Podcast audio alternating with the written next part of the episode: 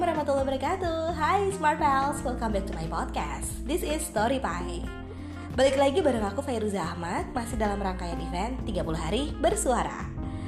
Nggak kerasa kita sebentar lagi udah memasuki penghujung tahun 2020 ya. Sekarang udah pertengahan Desember. Artinya sebentar lagi kita akan hadir di akhir tahun. Mungkin beberapa di antara kamu udah ada yang punya rencana ya Menghabiskan liburan akhir tahun apakah akan bepergian ke suatu tempat liburan gitu bareng keluarga atau cuma sekedar silaturahmi ke tempat orang tua atau saudara atau mudik? Kalau aku memilih untuk mudik singkat mudik dalam jarak dekat juga. Tentunya aku berhati-hati banget karena berhubung ini masih pandemi ya. Dan bicara soal mudik kayaknya itu mudik zaman sekarang udah enak banget ya pals. Kalau untuk jalur darat yang pakai uh, mobil atau bis gitu udah bisa lewat tol ke mana pun. Jadi perjalanan pasti lebih lancar.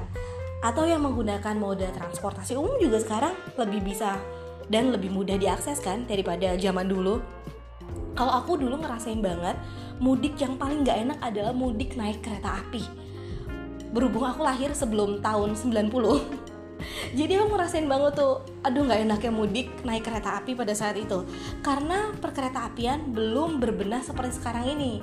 Belum ada pesan tiket secara online dan juga di setiap stasiun kereta api itu keadaannya masih kumuh. Lah aku ingat banget waktu itu aku umur 5 atau 6 tahun mungkin sekitar tahun 93 atau 94 aku diajak mudik sama orang tua aku ke suatu kota di Jawa Tengah. Dari Jakarta ya aku waktu itu nah saking padatnya itu kereta aku sampai dilolosin dari jendela. Dan orang tua aku itu nggak nggak bisa pesan tiket karena memang udah padat gitu waktu itu. Nggak bisa pesan tiket sama sekali jadi cuma bisa berdiri. Bayangin berdiri di kereta api dalam jarak yang cukup jauh antara Jakarta ke satu, salah satu kota di Jawa Tengah. Terus orang tua aku tuh sampai nggak bisa nginjek lantai kereta api itu. Jadi saking padatnya orang itu sampai nginjek kaki orang lain. Nah akhirnya gimana itu caranya? Entah mungkin banyak orang yang kasihan karena waktu itu aku masih kecil dan punya adik masih bayi juga. Akhirnya ada yang berbelas kasihan ngasih tempat duduk ke aku dan orang tua aku nah itu waktu aku masih kecil. Dan itu perkereta apian sampai sekitar tahun 2000-an awal itu juga belum banyak berbenah pals pokoknya nggak enak banget deh mudik naik kereta api. Jadi begitu memasuki stasiun kereta api lah disambutlah kita dengan berbagai macam karakter manusia. Pedagang asongan terus maaf ya pengemis-pengemis terus juga preman-preman. Wah pokoknya nggak teratur banget. Terus bau-bauan tidak sedap di sana sini karena ya banyak uh, banyak tunawisma gitu tidur di stasiun gitu. Terus mereka juga mungkin sembarangan buang air kecil di trotoar stasiun gitu. Wah pokoknya serba nggak teratur. Dan juga pesan tiket secara online kan belum bisa waktu itu. Jadi untuk pesan tiket kereta api kita tuh harus datang ke stasiunnya. Bayangin dong kalau untuk orang-orang yang akses ke stasiun kereta api itu jauh pasti males kan pesan tiket. Jadi mereka memutuskan untuk nggak pesan tiket. Jadi langsung aja datang ke stasiun pada saat mereka akan berangkat ke kota lain gitu akhirnya dapat atau nggak dapat tiket itu boleh berangkat waktu itu. Walaupun nggak punya tiket orang itu boleh masuk ke dalam kereta api. Jadi entah gimana caranya mau duduk di lantai kayak mau duduk di gerbong restorasi mau di mana mau di deket toilet mau berdiri itu tuh dibebasin. Ya pokoknya nggak nyaman lah. Jadi kita pun yang membela-bela punya tiket atau membeli tiket lebih awal itu nggak akan ngerasa nyaman duduk di kereta api karena sana sini padat wah berisik. Setiap perhentian stasiun itu wah langsung diserbu dengan berbagai macam uh, tukang-tukang jualan. Kayak jual manisan jual kacang sales macam-macam wah pokoknya pusing banget. Nah alhamdulillah sejak tahun 2008 mungkin aku agak lupa. 2008 atau 2009 gitu awal revitalisasi perkereta apian. Jadi semua aspek dalam perkereta apian itu mulai dibenahi. Dari stasiun sampai unit-unit kereta api itu mulai dibuat nyaman. Dan karena waktu itu tuh aku aku agak trauma ya naik kereta api. Jadi semasa aku kuliah selama 4 tahun itu aku bener-bener nggak mau lagi naik kereta api. Karena kenangan masa lalu yang benar-benar bikin trauma naik kereta api itu jadi aku nggak mau lagi naik kereta api. Tapi akhirnya waktu itu aku diajak sama adik aku buat mudik naik kereta api uh, ya sekitar tahun 2009 itu itu aku kaget. Jadi selama bertahun-tahun sekitar 4 atau lima tahun aku nggak pernah menginjakan kaki di stasiun kereta api lagi. Terus tahun 2009 itu aku ngeliat wah aku kaget kok. Ini beneran stasiun kereta api kah? Mana kok nggak ada tunawisma nggak ada pedagang asongan? Terus kata adik aku waktu itu gini loh ini kan memang udah dibenahin sekarang itu cuma yang punya tiket kereta yang boleh masuk dalam stasiun. Akhirnya efek positifnya stasiun itu benar-benar rapi bersih lantai itu selalu dipel. Dan nggak nggak ada orang berseliweran gitu orang yang nggak berkepentingan masuk ke dalam stasiun tuh nggak ada. Bahkan orang yang mau ngantar keberangkatan itu tuh nggak boleh masuk. Jadi benar-benar orang yang akan bepergian naik kereta api dan dipastikan sudah punya tiket itu boleh masuk. Terus waktu itu ada satu nama kereta yang aku inget banget zaman aku kecil zaman aku masih sekolah itu aku selalu naikin itu bener-bener kereta kereta bisnis sih sebenarnya kereta bukannya kereta ekonomi kereta bisnis tapi wah luar biasa kumuhnya kalau aku bilang ya.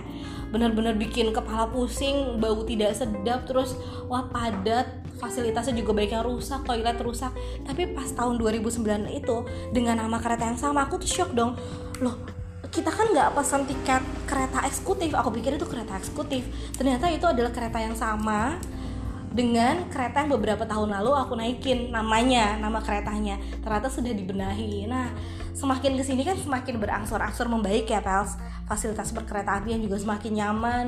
Dan kita dimanjakan dengan fasilitas online juga. Wah pokoknya serba nyaman kalau mudik naik kereta api zaman sekarang ini. Ya beruntunglah kamu ya yang nggak pernah merasakan buruknya pelayanan perkereta apian.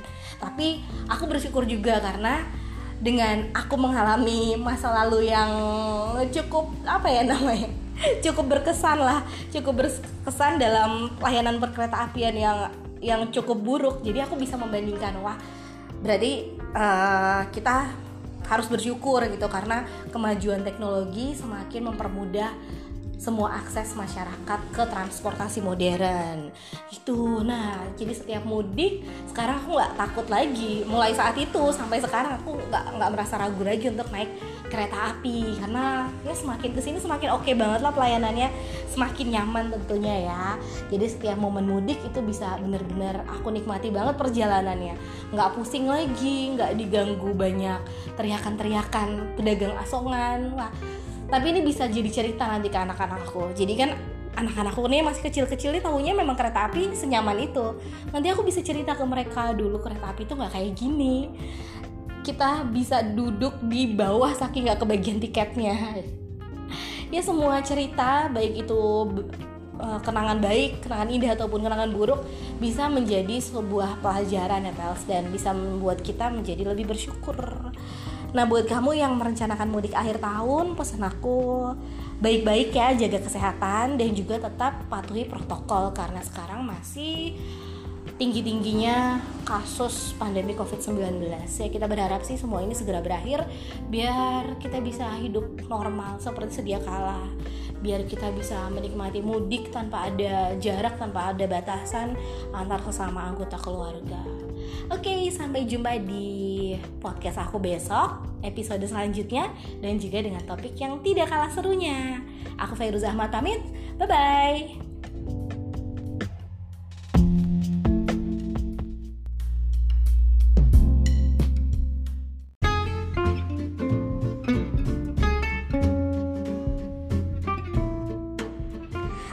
Assalamualaikum warahmatullahi wabarakatuh. Hai Smart Pals. Jumpa lagi di Story Pie bersama aku Fairuza Ahmad. Makasih buat kamu yang udah setia jadi pendengar Story Pie.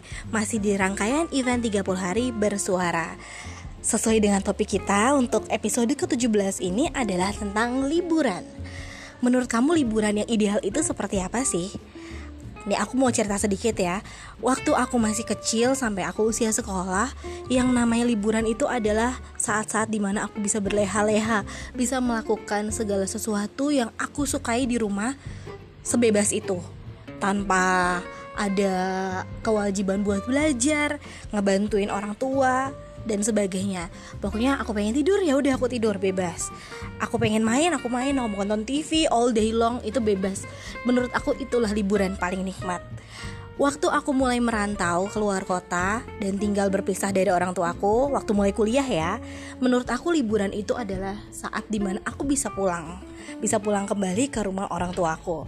Ya cukup sebatas itu aja, cukup sederhana itu pulang ke rumah orang tua. Itu adalah liburan yang paling nikmat.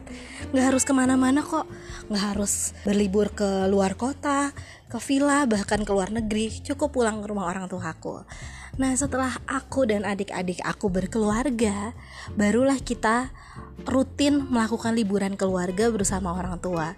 Jadi liburan keluarga itu jadi agenda yang harus ada setiap liburan.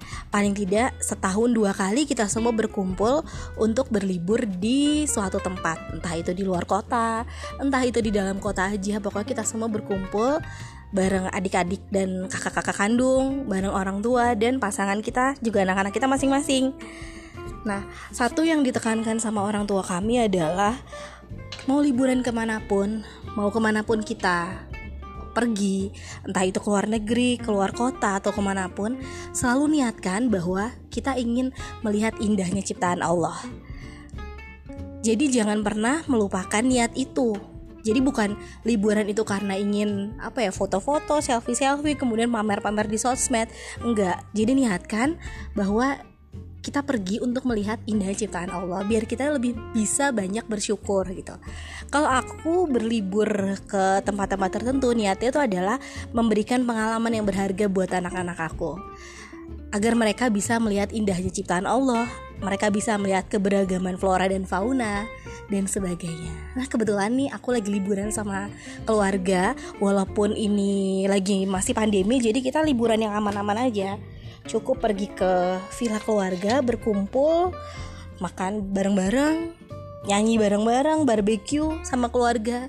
Jadi nggak ketemu orang luar gitu nggak ke tempat-tempat umum. Ya itu udah merupakan suatu momen yang sangat berharga.